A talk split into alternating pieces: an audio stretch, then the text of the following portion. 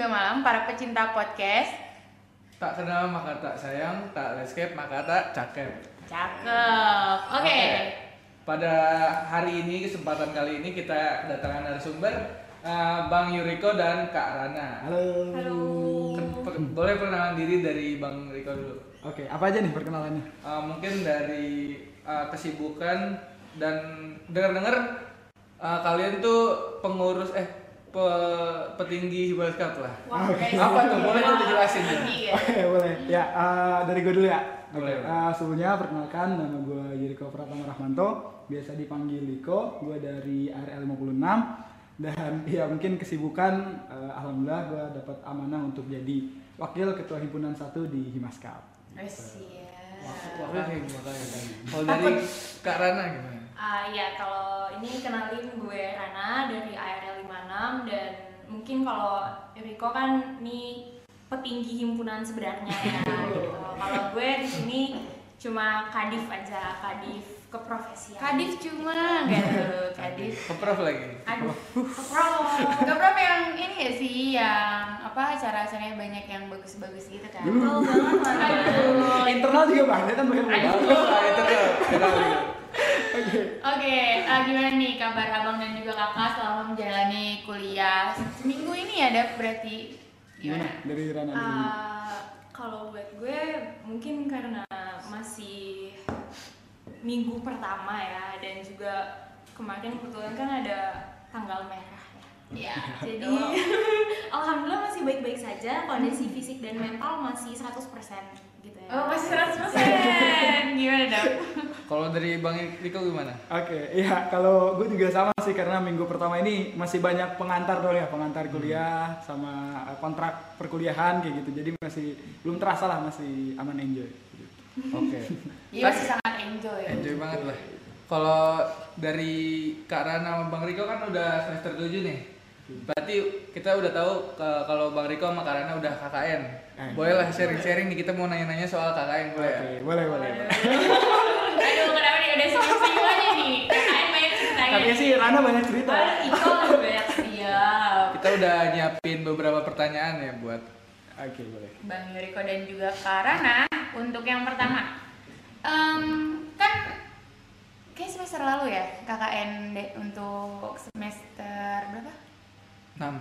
Ya semester 6 Jadi eh, KKN IPB ini menurut kakak dan abang itu beda atau sama sih dengan universitas lain? Kalau beda Oke. itu apa bedanya? Mana? Mau jawab duluan? Oke, gue kali ya. Ya, eh, mungkin ini sepengetahuan gue juga ya. Jadi kalau misalkan IPB itu kan dia ada ada T-nya belakangnya, ada KKN tematik. Jadi benar-benar eh, mahasiswanya tuh dibuat eh, sesuai dengan kondisi lapangannya gitu. Kalau kemarin eh, gue kan di Subang ya KKN. Jadi itu eh, fokus utamanya di pertanian. Jadi benar-benar banyak eh, didominasi sama anak pertanian gitu. Jadi nggak ada anak perikanannya nggak ada, anak peternakannya nggak ada kayak gitu. Nah terus gue juga dengar dari temen gue yang di pesisir itu daerah eh, pantai selatan itu benar-benar full sama anak eh, perikanan gitu perikanan sama kelautan bahkan nggak ada anak pertaniannya jadi mungkin itu yang yang bedain eh, salah satunya sama KKN eh, univ lain gitu jadi kita tematik ya jadi ada tema-tema tertentu kalau gitu jadi kalau gue dengar dari kampus lain tuh rata-rata bener-bener random dicampur kayak gitu Oh iya. Palingan sih kalau misalnya dari sebenarnya kalau kerjanya ini kan sama ya konsepnya kalau kakak itu kan pengabdian masyarakat. Mungkin kalau perbedaan yang lebih spesifiknya lagi tuh ya palingan cuma perbedaan jumlah hari kerja gitu kalau misalnya kita kan memang yang diwajibin tuh 40 hari ya. Hari, ya. Karena setahu gue ada yang itu 50 hari tapi SKS-nya itu lebih sedikit gitu Hmm. dibandingin kita gitu. Itu 40 hari itu full kak atau bagaimana? Eh, ada jadwalnya kalau nggak salah ada waktunya gitu ada spe- eh, sehari sekitar tiga setengah jam gitu luangin waktu buat KKN kayak gitu hitungannya gitu Untuk hari liburnya? Nggak ada. Kalau gue hitungannya sih full full 40 gitu ya, nggak ada penjadwalan Iya. dia. Kalau gua kemarin eh, jadi kan kalau misalkan 40 hari full tuh eh, tiga setengah ya per hari. Kalau gue dibikin satu minggunya tuh libur. Jadi waktu per harinya nambah, itu sekitar empat setengah jaman lah kayak gitu. Jadi ditambah gitu. Jadi kalau kayak yang Rana kayaknya full, itu satu minggu tetap ada Karena eh, kalau kelompok gue tuh bener-bener bahkan nggak ngitung jam gitu loh karena di minggu pertama kita beneran yang kayak bahkan lebih dari 8 jam kerja ada beberapa minggu yang kayak gitu tapi kita nggak ngitung oh berarti hari ini tuh kita udah 8 jam berarti hitung dua hari gitu kan kita takut kan jadi main aman aja full 40 gitu Kalau konsep perharinya itu, eh kalau konsep pengaturan waktunya itu disetujui oleh siapa tuh kalau boleh tahu? Itu kalau dari sebenarnya diskusi sama DPL ya. Tapi alhamdulillah dari DPL kelompok gua sendiri tuh santai gitu. Jadi kayak eh, kembali lagi ke kalian gitu. Yang penting nanti di logbooknya kita kan ada logbooknya namanya buat eh, laporan. Nah itu yang penting laporannya benar gitu sesuai waktu sesuai eh, ketentuan kayak gitu. Boleh juga dibikin kayak tadi Sabtu Minggu libur gitu boleh. Diskusinya nanti sama DPL ya dosen pendamping lapang ya. Iya. Ah, Dosen pendamping lapang. ya diskusinya sama DPL.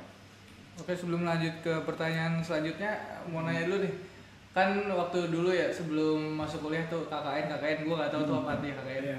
Gue taunya kerja kelompok nginep ya Mirip sih. nggak salah sih Iya, nggak nggak salah Iya. Oke. tapi sebenarnya KKN tuh ngapain aja sih di KKN-nya apa aja yang harus diwajib dilakuin itu waktu proses KKN itu ada. Oke, ah, jadi mungkin sesuai namanya ya KKN. Kalau di sini kan ini kita tuh mengabdi kepada masyarakat. Jadi di KKN ini kita itu memang belajar untuk mengetahui kondisi-kondisi lapang yang ada di masyarakat tuh problemnya seperti apa. Kemudian masyarakat itu pasti di setiap daerah itu beda-beda. Kemudian approach kita. Yang biasanya misalnya kita sa- sesama apa ya mahasiswa gitu loh ini kita dipaksa gitu untuk berbaur dengan masyarakat yang memang sangat-sangat beragam gitu sih. Nah dari situ baru kita mencanangkan program-program yang dirasa memang tepat untuk eh, mengoptimalisasi sumber daya dari lokasi tersebut kayak gitu mungkin kalau dari Iko nambahin Iya, iya bener sih. Eh, konsepnya kan karena kuliah kerja nyata ya. Jadi kalau IPB ini kan pengabdian ke masyarakat gitu. Jadi kalau IPB itu biasanya ngasih waktu seminggu dulu.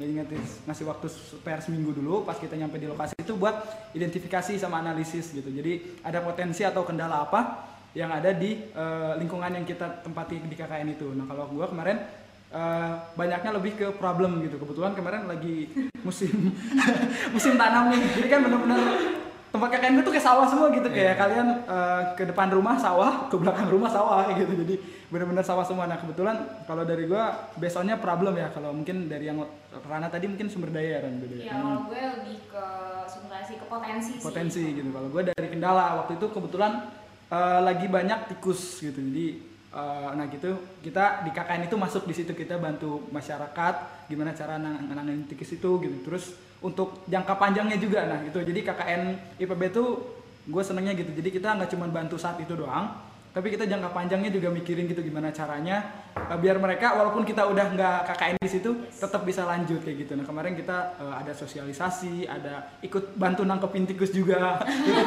Bener-bener banget ya ya kan? Bener-bener bener-bener ngebantu masyarakat lah turun ke lapang kayak gitu sih. Memang sih yang perlu diperhatiin di KKN itu programnya itu kita nggak bisa asal oh yang penting kita bisa jalanin nih Nah, pas betul. KKN-nya itu yang Hmm. penting itu harus sustainable harus berkelanjutan. Karena buat apa kita turun lapang tapi yang tetap jalanin kita kita aja kita-kita nextnya langsung hilang Mati gitu, jangan sampai itu gitu. sayang soalnya Gitu. terus kalau kalau kita nggak ikut KKN nih eh, dampaknya tuh apa sih kalau kita nggak ikut KKN nggak lulus Emang bener, setahu gua KKN ini wajib gitu. Wajib ya? Wajib, benar-benar wajib.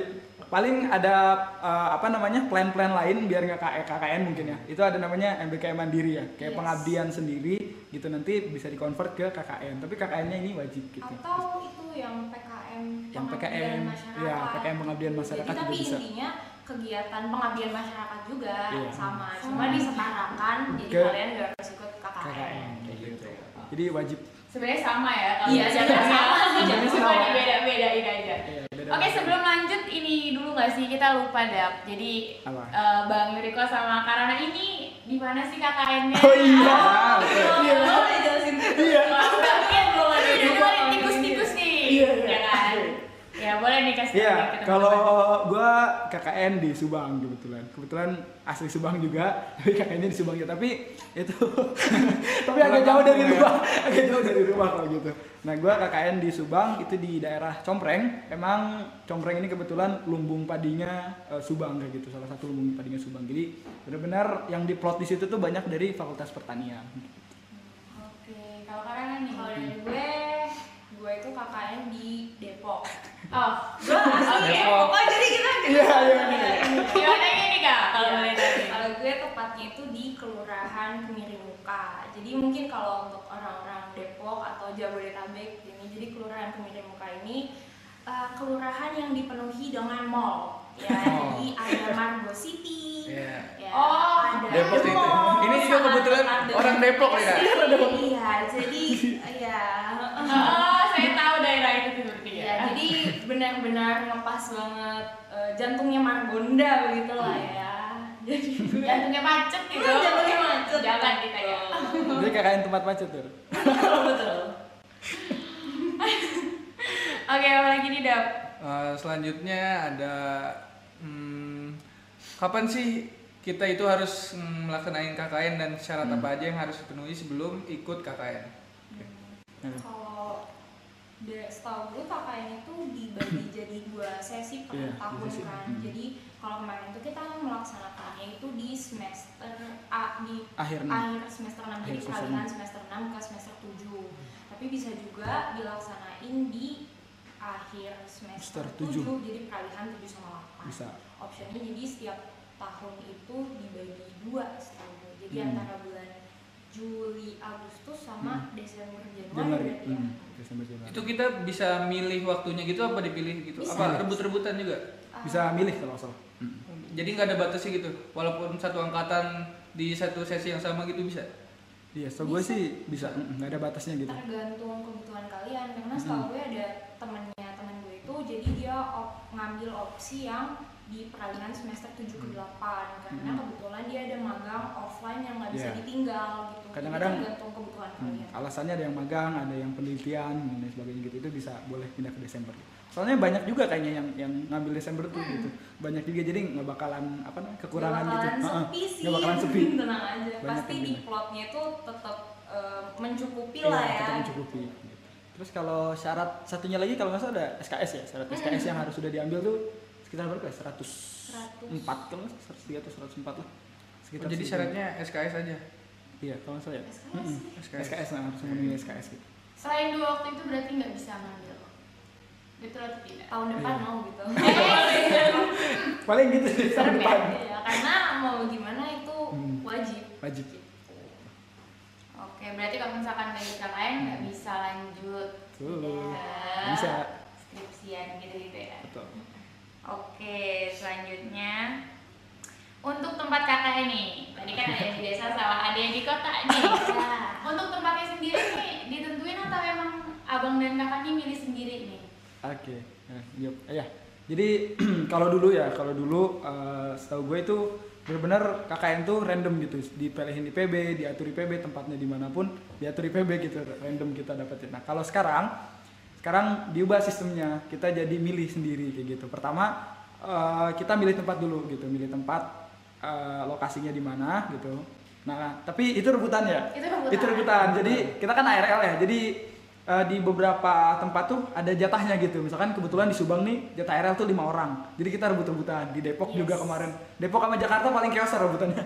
Banyak Ya, yang pengen. gue sampai ini gue menyaksikan secara langsung ya gue sampai deg-degan itu KRS-an Aduh. Ya gitu. Jadi kita eh, milih tempat dulu. Nah, nanti buat lokasi desanya baru di, di- diatur Di- sama eh, dosen nanti. Ada dosen Yes. Ada dosen penanggung jawab untuk eh, kotanya gitu. Dosen di Subang, Depok kayak gitu. Jadi Dan hmm, kalau untuk lokasi itu setahu gue nggak semua lokasi yang disediain IPB itu ARL Ada. bisa masuk gitu Hmm. ada kuotanya Ada jadi kuotanya. memang ada kuota-kuota di daerah tertentu yang dirasa emang oleh IPB itu butuh nih anak ARL untuk uh, membantu lokasi itu Gitu. Terus kalau misalkan eh, habis milih tempat ya tadi terus biasanya nanti random ya, lu kan Iya, random juga. Random. Sama kelompoknya juga gitu. Kalau kelompoknya eh, diatur sama dosennya kayak gitu. Jadi kayak dibagi rata gitu lah kalau nggak salah kemarin sama pas-pas. Terus kalau gitu alasan Bang Iko milih di Subang dan Kak Rana milih di Depok? Nah, Kenapa ini sampai nih. perebutan Iya. gitu? oh iya Gara lo duluan deh kok Iya, sebenarnya gue tuh tadinya nggak pengen Subang ya. Nggak ada masa Subang lagi gitu kan pengen coba kota lain pengen berkelana menjelajah gitu. Tapi tiba-tiba gue tuh di chat Ilham gitu. Ilham anak PTN PTN 56 tuh dari uh, proteksi tanaman. Itu ditunjuk sama dosennya. Jadi dosen penanggung jawab Subang nih dosen proteksi tanaman Paswas namanya beliau nih ngechat Ilham Ilham mau nggak jadi koordinator kabupaten gitu. Iya. nah Ilham ngajak gua. Jadi koordinator kecamatan gitu. Jadi Iya. pertanyaan yang merepotkan ya. Jadi gue yang mau nolak gak enak gitu. Jadi ya udahlah. Jadi gue eh, apa namanya bilang ke Ilham yaudah ayo jadi gue dicompreng tuh sekaligus koordinator kecamatan juga kayak gitu jadi Jadi perekrutan sebelum Iya. pemilihan lokasi ya. jadi gue nggak waktu milih tempat tuh nggak takut karena gue udah dapet jatah gitu di Subang gitu Guys, Iya, ini jalur dalam. Jalur dalam. Soalnya pas pemilihan tuh Iko kayak, iya santai aja. Dia rusuh. Gimana nih kok kalau gue ada padahal gue gue udah ajak ke Subang ya biar nggak panik Subang aja deh Eh, tapi kan kita akan berbeda ya. Iya. Beda sama orang dalam ya, kalau Ah, kan orang luar ya. Iya gitu, tapi ya gue juga nggak nggak masalah sih di lokasinya di Subang gitu karena eh, apa namanya kebetulan eh, buat di Subang ini yang compreng itu emang potensi pertaniannya luas ya sama di situ tuh ada agrowisatanya gitu jadi ada landscape banget kan ya gitu kerjaannya jadi nggak apa-apa. Oh potensi pertanian, keren potensi cinlok gitu. Waduh, Aduh. Nyari yang dekat dekat dari rumah gitu. Iya, tapi pas itu kita dah. udah langsung masuk gitu ya. Kita dengerin Karana dulu. Jadi Karana kenapa nih milih Depok sebagai tempat KKN Karana nih? Ya alasan gue sebenarnya shallow sih ya. Gue cuma takut gue nggak enak make toiletnya gitu kalau di Aduh. Mending ya, mending ya. Mohon maaf ya gitu. Tapi gue mikirnya ah kalau di kota nih, kan gue orangnya tuh ya nggak tahu sih rempong apa gimana ya. Tapi intinya gue tuh suka banget kayak barang ini dibawa, barang ini dibawa gitu. Terus gue mikirnya kalau di Depok pasti ada Indomaret, Alfamaret, Alfamidi gitu ya. Nah, mohon maaf sebut merek gue. Tapi jadi kalau kurang gue tinggal beli gitu. Terus awalnya gue kira kakak itu kan kali-kali boleh kalau itu PP kali ya kalau deket gitu gue Oh, iya. Tapi nggak boleh sih jadi Oh, nggak boleh pulang pergi ke rumah Oh, stay. jadi nggak ada perizinan pulang pergi itu nggak boleh ya? Ah, iya nggak boleh Harusnya nggak boleh. Ngincer kakek di Depok ya. Iya nih ya, biar bisa makan enak aja sih. iya sih bener ya Kan? Yaudah, sebelum lanjut nih, karena Dava udah mengusik tentang adanya cinta-cinta, cinta lokasi, masih banyak cerita dong. Iya, iya. Oke, boleh nih cerita. Apakah di antara kalian berdua, nggak nggak kalian berdua sih, maksudnya di daerah kalian berdua, apakah ada yang cinlok atau diri sendiri jangan-jangan dong? Bisa jadi. Hmm, boleh deh cerita-cerita. Rana dulu deh. Kalau gue sih nggak ada ya. Oh, nggak ada. Iya, memang Oh. se ah, karena Sebenarnya posisi dipendam. itu oh enggak enggak enggak, enggak kan ini kalau misalnya di desa itu mungkin karena posisinya tuh misalnya banyak eh, rumahnya tuh disediain ya banyak Hmm. gue dengar cerita jadi disediain dari desanya gitu kalau dari gue itu kan eh, kontrak nih nah kontrak itu kita harus dua rumah beda Hmm. rumah jadi mungkin kan kalau misalnya kalian yang satu rumah itu merasakan simulasi yang mana yang istri idaman Waduh. suami idaman Iya, gitu iya, kan iya. ya Aduh. Ya, ya. Kalau gue ini rumahnya terpisah, kita kayak lu nyuci sendiri. Jatuhnya kayak kontrak deket IPB ya. Jadi kayak kita kalau mau ke rumah yang cowok ya kita mesti jalan juga ngetok. Jadi sebenarnya tidak ada simulasi-simulasi seperti itu gitu ya. Kita friend vibes Oh, banget sih friend vibes. gitu. Palingan Oke. cuma ada yang eh, godaan coki bear ya. Jadi kayak, Aduh. Aduh. eh kita sering Begini-begini nih bahaya ya. Cok liver cok liver ini. tapi nggak nggak ada yang actually chinlock dengan dia Oh, sih oke. itu kayak sebagai bercandaan aja sih biar Hmm. kayak awalnya tuh untuk ice breaking sih Oh. jatuhnya kayak ih ganteng banget sih cakep banget sih itu bukan gue yang mulai by the way Oh, disclaimer Lu juga yang mulai nggak apa-apa sih. Iya, Iya nggak ada. Nggak apa-apa. Iya. ya tapi bukan chinlock tapi ya jatuhnya ke godaan-godaan coki bear ya kalau yang Ini pernah tapi di belakang ya. Ai, Oh ternyata cetan kan. nice. Oke, boleh nih Bang Yudi kalau biasanya kalau di desa nih lebih banyak nih cobaannya. iya mungkin ya. Karena banyak kesulitan-kesulitan. bener. Emang jadi aduh sebenarnya emang Berat banget kayaknya. iya. Ini coba ini bener-bener. ya. Di desa tuh kan gua disediain rumah ya. Itu Hmm. ya cowok-cewek bareng lah gitu. Tapi kamar dan lain berpisah ya gitu. Jangan bikin satu rumah satu kamar juga ya. Tapi disclaimer ada ada warga lain kan? wah ada ada. Oh, kalau sini cuma ber... Nggak, ada ada. Ya. Ngeri juga. Dia ya jadi disediain di rumah dan emang sulit ya tiap hari setiap pagi siang malam melihat dirinya itu sulit gitu Aduh, aduh. ya ya bercanda bercanda bercanda jadi bercanda bercanda bercanda Oke, abis ini ya. boleh di spill ya, Bang. Itu apa siapa? Iya, iya. tadi tapi gue gak cinlok guys gitu karena ya nggak cinlok lah pokoknya tapi ada teman gue yang cinlok gitu. Jadi gue kan koordinator kecamatan nih. Jadi di kecamatan gue nih ada dua desa. Ada dua desa dan gue nggak tahu kenapa desanya tuh deketan bener-bener deketan gitu. Nempel kayak perbatasannya jembatan gitu. Jadi kita berdua tuh sering main. Dan yang cinlok ini kordes sebelah dengan anak eh, kakak kelompok KKN gue gitu nih. Aduh. ini dramatis banget ya Iya. di jembatan bisa bisa. Eh, Tapi bener Bang jembatan. enggak enggak. Gitu. Maksudnya eh, awalnya nih nggak nggak terdeteksi gitu. Soalnya tapi si kordes ini tiap subuh nih abis sholat subuh tuh dia selalu ke rumah KKN gua gitu. Ini gua ada apaan gitu gini? Kok ngopi kok? Jadi gua tuh pengennya habis subuh tidur kan ya? Ini bocah tuh datang mulu bocah datang mulu gitu nyamperin gitu. Jadi ternyata gitu ternyata dia yang cinta kayak gitu lah agak sulit Itu gak ada niatan gusir itu Bang ya? Oh, gak berani. nggak berani nggak berani nggak biarkanlah cinta berlarut sih Oh, tapi sekarang tahu gimana kabarnya? ah katanya sih lanjut Oh, takut banget loh. Oke. Oke lanjut bisa nih. ada lagi Pembagian kelompok KKN, oh ya buat pembagian kelompok KKN itu gimana? Dari DPL Hmm. tadi atau gimana? iya itu kalau gua diserahan ke DPL sih. Tapi DPL-nya pun ngebaginya depan kita gitu. Kayak ini loh saya ngebagi seperti ini gitu. Kalau misalkan ada yang keberatan pun bapaknya nanya gitu ada yang keberatan gak atau gimana. Tapi kita setuju-setuju aja sih nggak apa-apa. Karena kayak udah imbang gitu. Ada proteksi tanamannya ada tanahnya ada AGH-nya ada RL gitu. udah seimbang gitu. Kalau gue sih jadi dari bukan DPL gue yang bagi, Hmm. jadi dari Korwil Korwil dosen koordinator. Ah, iya. Korwil. Iya.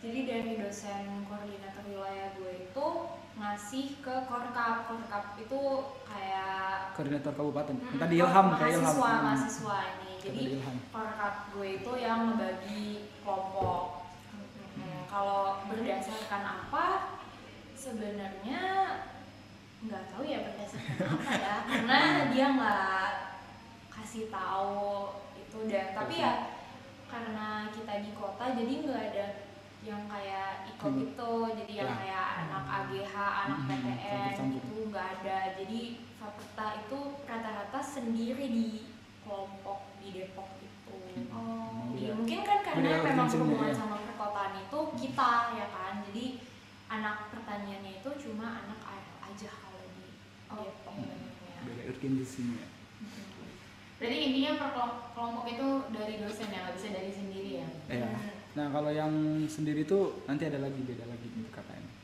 Oh. Itu yang PKM nggak sih? Iya ada yang PKM, PKM terus update. ada yang KKN mandiri juga. Nah, KKN Kak- jenis lain sih jadi KKN jenis lain gitu. Jadi ada ada macam-macam. Kalau kita kan ini by design ya. Jadi Yes. sama IPB yang ngatur gitu. Ada juga namanya KKN mandiri. Itu kalau KKN mandiri itu kalian bikin kelompok sendiri, milih tempat sendiri, ngurusin sendiri gitu. Dan transport pun gak dibiayain IPB gitu. Tapi itu anaknya ya kalian bisa milih teman sendiri, bisa bareng temen gitu. Milih lokasinya di mana terserah kayak gitu. Cuman eh, kurangnya itu nggak ada biaya transport dan lain sebagainya. Tapi itu bisa di ACC? Bisa. Bisa. apa tempatnya itu selalu di ACC pasti? Eh, asal jelas aja sih urgensinya apa gitu di situ. Kemarin kita dari RL ada Haikal, ada Haikal, ada Amanda itu mereka mandiri. Dan sebenarnya asal berhasil proposal mereka diterima di Hmm. wilayah itu karena mereka benar-benar harus menjelaskan dari awal ngapain? ke pemerintah sana kalau misalnya kita tuh ada KKN lokasinya Hmm. ini kira-kira fokusnya mau ngapain itu mereka lakukan sendiri Iya. sementara kalau dari kita itu kan eh, daerah sana sudah aware kalau misalnya mahasiswa IPB itu mau melakukan KKN Hmm. Jadi yang nyamperin tuh dosennya duluan gitu. Kalau yang mandiri emang gitu sih. Jadi ngurus sendiri lah istilahnya. Tapi sama ya nilainya harusnya. Sama. sama kok sama. Sama, Tapi sebenarnya yang mandiri lebih effort ya. Iya, iya benar-benar. Oke, selanjutnya nih kesan dan pesan di da- di eh KKN di daerahnya nih. Nah Oke. kalau di dan kalau disuruh ngulang apakah masih mau di situ juga? Oh. Iya, sebenarnya kalau bahasa ngulang kayaknya udah cukup aja ya. Ah, 40 hari ya udah cukup gitu. Tapi kalau dari gua sendiri jujur uh, gua merasa bersyukur banget ya di apa jadi koordinator kecamatan di Compreng gitu. Karena dari dua kelompok ini nggak ada yang bermasalah gitu. Tim gua tim yang sebelah gitu. Jadi gua nggak nggak ngurus yang ribet-ribet lah gitu. Bener-bener iya kesannya seru sih gitu. Kayak kalau misal soalnya gua kalau dengar dari kelompok lain gitu ada yang nggak ada yang hilang lah atau ada yang nggak kerja lah ada yang banyak protes lah atau mungkin eh, koordinasi ke desanya ke kecamatannya ribet gitu. Ada juga gitu. Nah gue tuh benar-benar ya bersyukur aja gitu milih Subang gitu. Karena benar-benar sama masyarakat sama pemerintah desa pemerintah kecamatan tuh benar-benar dibantu gitu disupport. Mau perizinan kayak mau ngadain acara atau undangan baru undang ke masyarakat tuh benar-benar dibantu gitu. Gue nggak ada halangan atau atau apa apa benar-benar kayak kita diterima banget di situ kayak gitu. Mungkin kalau kesan-kesan eh, nggak enaknya apa ya? Mungkin banyak nyamuk kali ya. Bisa gue bro banyak. nyamuk dan panas. Itu benar-benar kita sampai beli kipas yang apa yang buat sate itu karena tiap malam harus gini-gini gitu. Panas banget. Tapi kan di desa bang jatuhnya kok panas. ya gue juga ngerti. Panas banget compreng subang. Aduh. mungkin karena emang dataran rendah dan sawah semua sih ya. Benar-benar sawah semua gitu kalau kalian lihat. Benar sawah gitu. Pohon-pohonnya paling di ujung-ujung dikit gitu. Kalau pesan apa ya Iya mungkin eh, apa ya pesannya mungkin eh, iya sebelum memulai apa namanya muka KN tuh eh, benar-benar apa bulatkan tekad dan niat ya. Kalian mau milih di mana gitu lokasinya. Soalnya kayak ya nggak bisa ngulang kan kan? Nggak mau ngulang juga gitu. Kalian Iya, pengen di mana gitu. Cuman kalau misalkan masalah memilih kelompok yang nggak ada yang tahu juga ya gitu. Jadi kalau pesannya sih itu ya pastikan gitu. Dan juga eh, siapkan gitu loh siapkan mental dan pikiran gitu. Karena eh, jujur lumayan capek itu KKN nyiapin nyiapin proker dan lain-lain tiap hari harus ke sana kemari mobilisasi juga itu lumayan capek tapi seru sih Iya. Oke. Dari Kalau mana? dari gue eh, Kayak banyak sedihnya gitu ya mukanya. kayaknya sedih banyak sedihnya ya Iya, kalau gue kan banyak Iya happy-nya kan kayak Kayak nyesel udahan gitu. pesan-pesannya aduh gue tahu deh. kayaknya selalu milih Depok gitu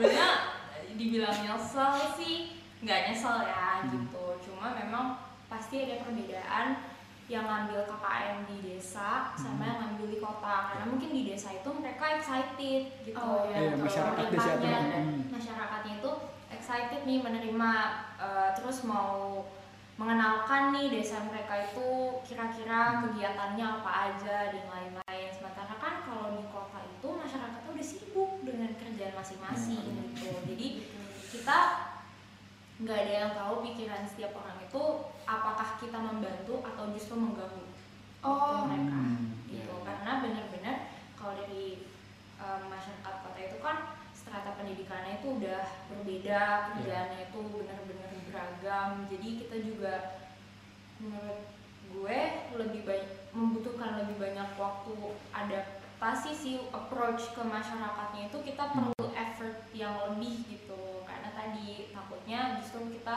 ngerjain proker gitu Hmm. waktunya itu malah mengganggu waktu mereka gitu loh. Sibuk. Gitu. Jadi palingan kalau misah-misah gue dari Depok mungkin itu sih. Kalau urusan soal cuaca panas itu sudah legowo ya. Gue kan orang Depok ya. Jadi gue biasa ya? jangan ditanya ya udah emang panas gitu palingan sih yang beda adalah uh, di Depok ini kan kondisinya itu pemukimannya benar-benar padat penduduk. Jadi kita tuh benar-benar wall to wall nempel. Kondisinya gang kecil di mana mau cuma satu motor yang bisa lewat gitu. Dan buat Oh. gue tuh berbeda dong karena gue biasa tinggal di perumahan. Iya, kayak gitu. Nah jadinya ini karena wall to wall itu kita banyak mendengar uh, Hmm perahara rumah tangga. Ini kita buka akun gosip ya iya iya. iya. iya dan kita tuh nggak kedengar nih tapi subuh subuh ada aja yang teriak. Subuh subuh jadi kita bukan terbangun karena iya. azan ya tapi karena berantem orang lain gitu, gitu ya. seru ya pop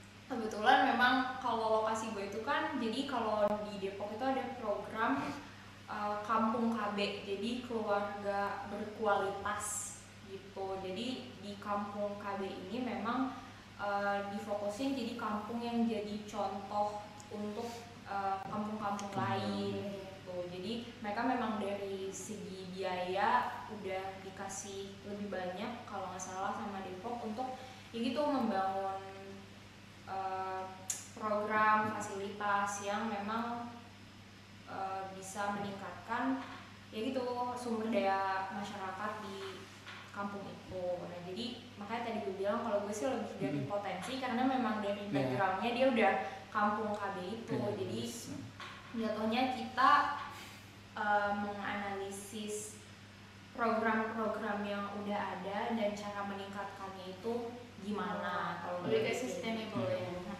Terus mungkin kalau untuk pesannya uh, kalau bisa sih pas KKN itu serius gitu Iya. serius maksudnya kan kayak tadi kau bilang Hmm. ini bobotnya itu berat Iya. gitu jadi kalau bisa emang kalian tuh jangan ah nanti kerjain yang uh, nanti di, bakal dikerjain sama yang lain juga Hmm. gue tunda-tunda tuh itu nggak boleh kalian tuh harus saling bantu teman-temannya Hmm. karena emang bobotnya itu berat banget sih kalau Hmm. emang cuma dikerjain sendiri, seorang seorang. atau dua orang gitu ya jadi ya, ayolah teman-teman aware ya jangan membuat teman satu kelompok kalian tuh seseorang meng-carry gitu ya Iya.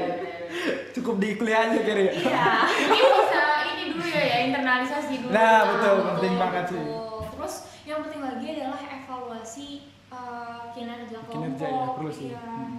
Jadi memang kalau misalnya ada problem langsung diselesain aja, dievaluasi kira-kira Benar-benar. Hmm. masalah dari orang itu oh, bukan orang sih, tapi maksudnya kinerja orang itu gimana nih yang bisa ditingkatin apa jangan ditahan-tahan sampai Iya. akhir gitu jadinya malah Benar, penilaian kan ada penilaian Iya, ada penilaian teman nanti di ya akhir gitu. itu nanti malah jelek Betul. gitu jadi baiknya sih jadi Dibahas setiap aja. ada kesempatan kalau memang dirasa kinerja teman-teman kelompoknya itu kurang mendingan langsung dibicarain aja Gitu. Iya, biar suksesnya bareng. Yes. Betul.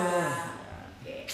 Eh, sebelum lanjut nih, tadi Karana per- bilang kayak apa ya effort sama masyarakatnya nih. Hmm. Kalau dari kelompok Karana sendiri gimana sih cara ngatasinnya? nih? ah iya jadi kalau dari kelompok gue itu lebih ke kita ngikutin kegiatan-kegiatan mereka gitu loh Hmm.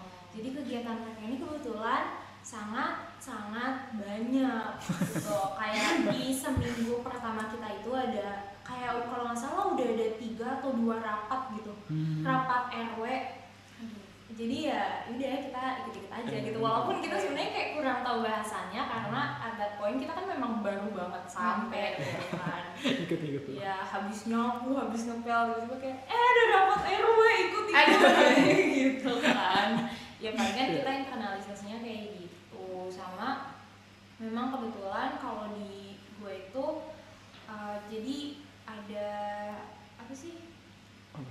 Yang Karang Taruna Karang ya Taruna, Nah, ya. tapi kalau di gue itu namanya bukan Karang Taruna namanya Ikarama jadi ikatan uh, remaja Kampung Mampangan Kampung Hmm. Mampangan itu uh, nama lokasi Iya. ya lokasi KKN gue jadi mereka itu kebetulan aktif dan benar-benar uh, ba- banyak ngajak kita juga gitu loh jadi kayak eh nyate yuk nyate yuk Oh, sering banget dari gitu. sana juga remajanya Hmm, jadi oke mereka ya? juga sebenarnya uh, menerima kita dengan baik sih kalau misalnya itu ngajak kita untuk join gitu Akrab. sama pada akhirnya sih karena kita udah deket banget yang anak laki-laki itu bahkan gak lagi tinggal di kontrakan mereka tidur di posyandu Aduh, Iya, bersama gitu ya. internalisasinya ya.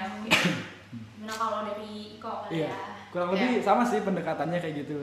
Mungkin ya kita eh, enaknya lebih welcome gitu. Jadi kalau di awal-awal tuh kita kan biasanya kalau kelompok KKN gue tuh keliling-keliling gitu, keliling kampung, keliling apa. Nah kebetulan waktu itu lagi musimnya nandur ya nanam nanam padi. Nah kita eh, cara pendekatannya gitu bantuin ikut turun bantu nandur walaupun kayaknya ganggu sih. Tapi tapi nggak apa-apa lah. Jadi kita bantuin nandur bantuin nanam terus juga di hari berikutnya misalkan ada yang lagi nangkepin tikus gitu kan eh, bapak-bapak kita ikut bantu gitu. Terus juga dari eh, kita kebetulan dekat juga sama kader posyandu kebetulan waktu itu lagi ada imunisasi ada posyandu remaja juga. Iya. nah kita ikut partisipasi di situ bantu. Bahkan udah deket banget gitu sama ibunya. Bahkan sampai ditawarin rumah juga gitu. Nah, kan kebetulan kayak jadi eh, desa gue nih ada dua dusun ya. Nah jadi gue tinggalnya tuh di dusun yang sepi gitu. Yang ramainya di sini beda dusun gitu. Jadi biasanya proker tuh di sini.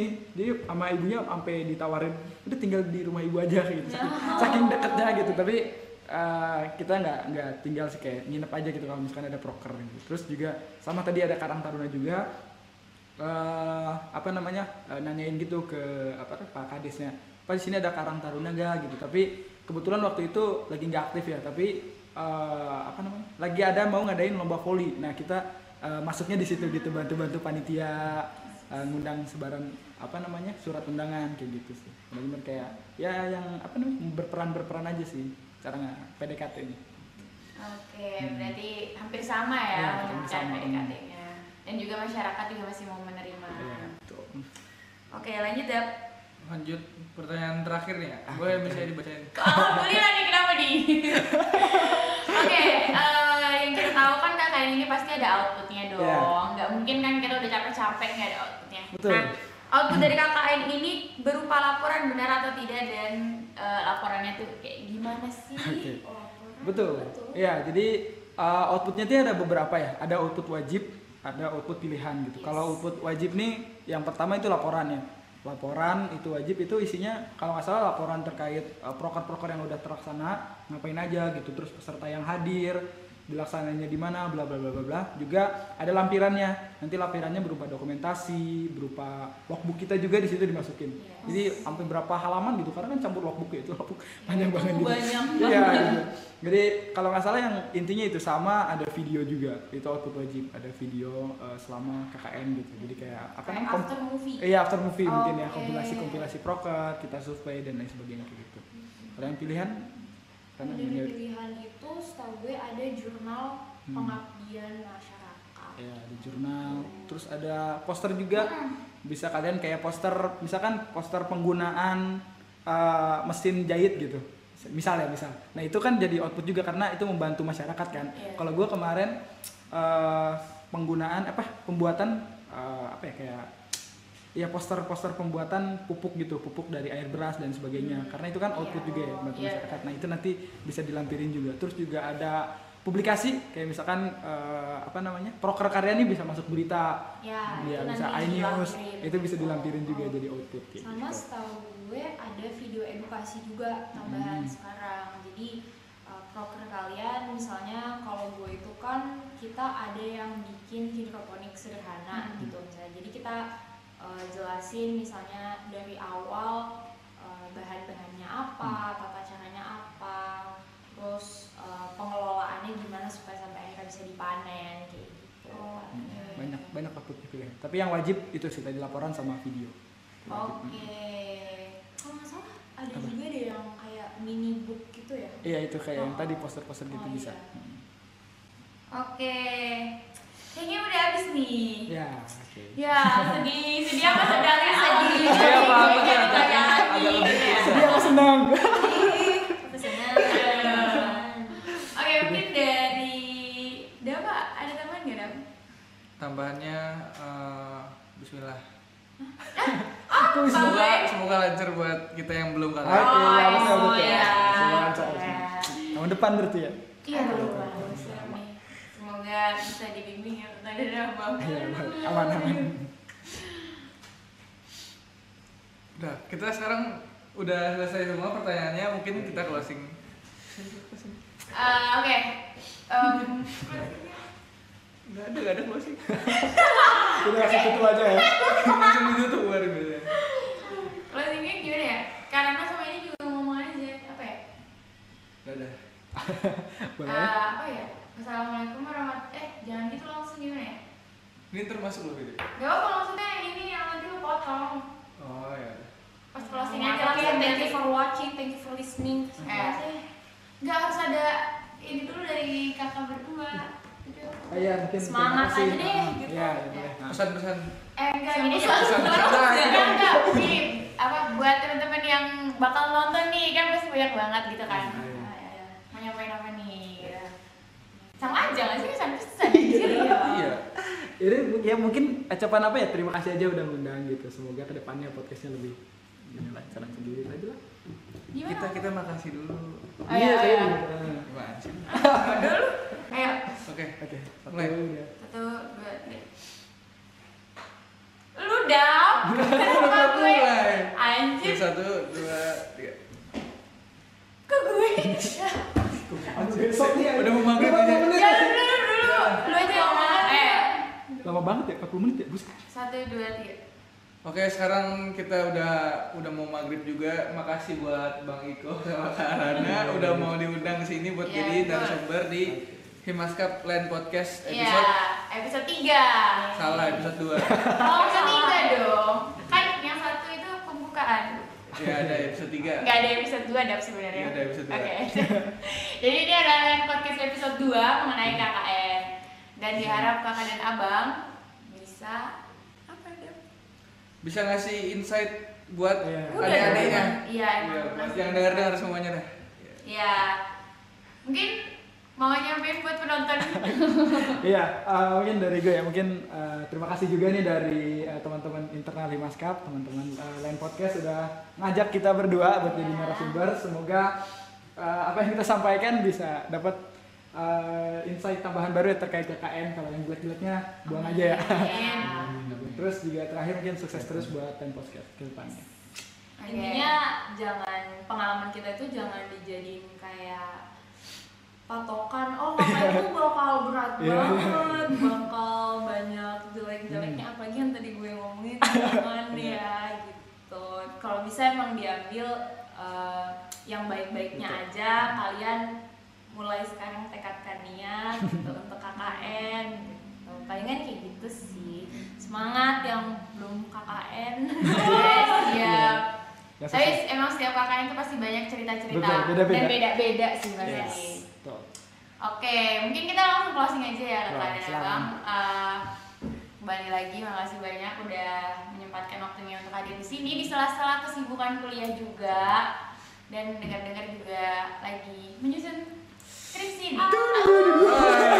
Semoga diperlancar dan dipermudah dan semoga KKN-nya itu bisa menjadi pembelajaran buat kakak dan abang menyusun skripsi. Oke, Dap, eh, dari kami Himaskap Plan Podcast episode 2 Iya. mengucapkan wassalamualaikum warahmatullahi wabarakatuh. Waalaikumsalam. Dadah, guys. Dadah.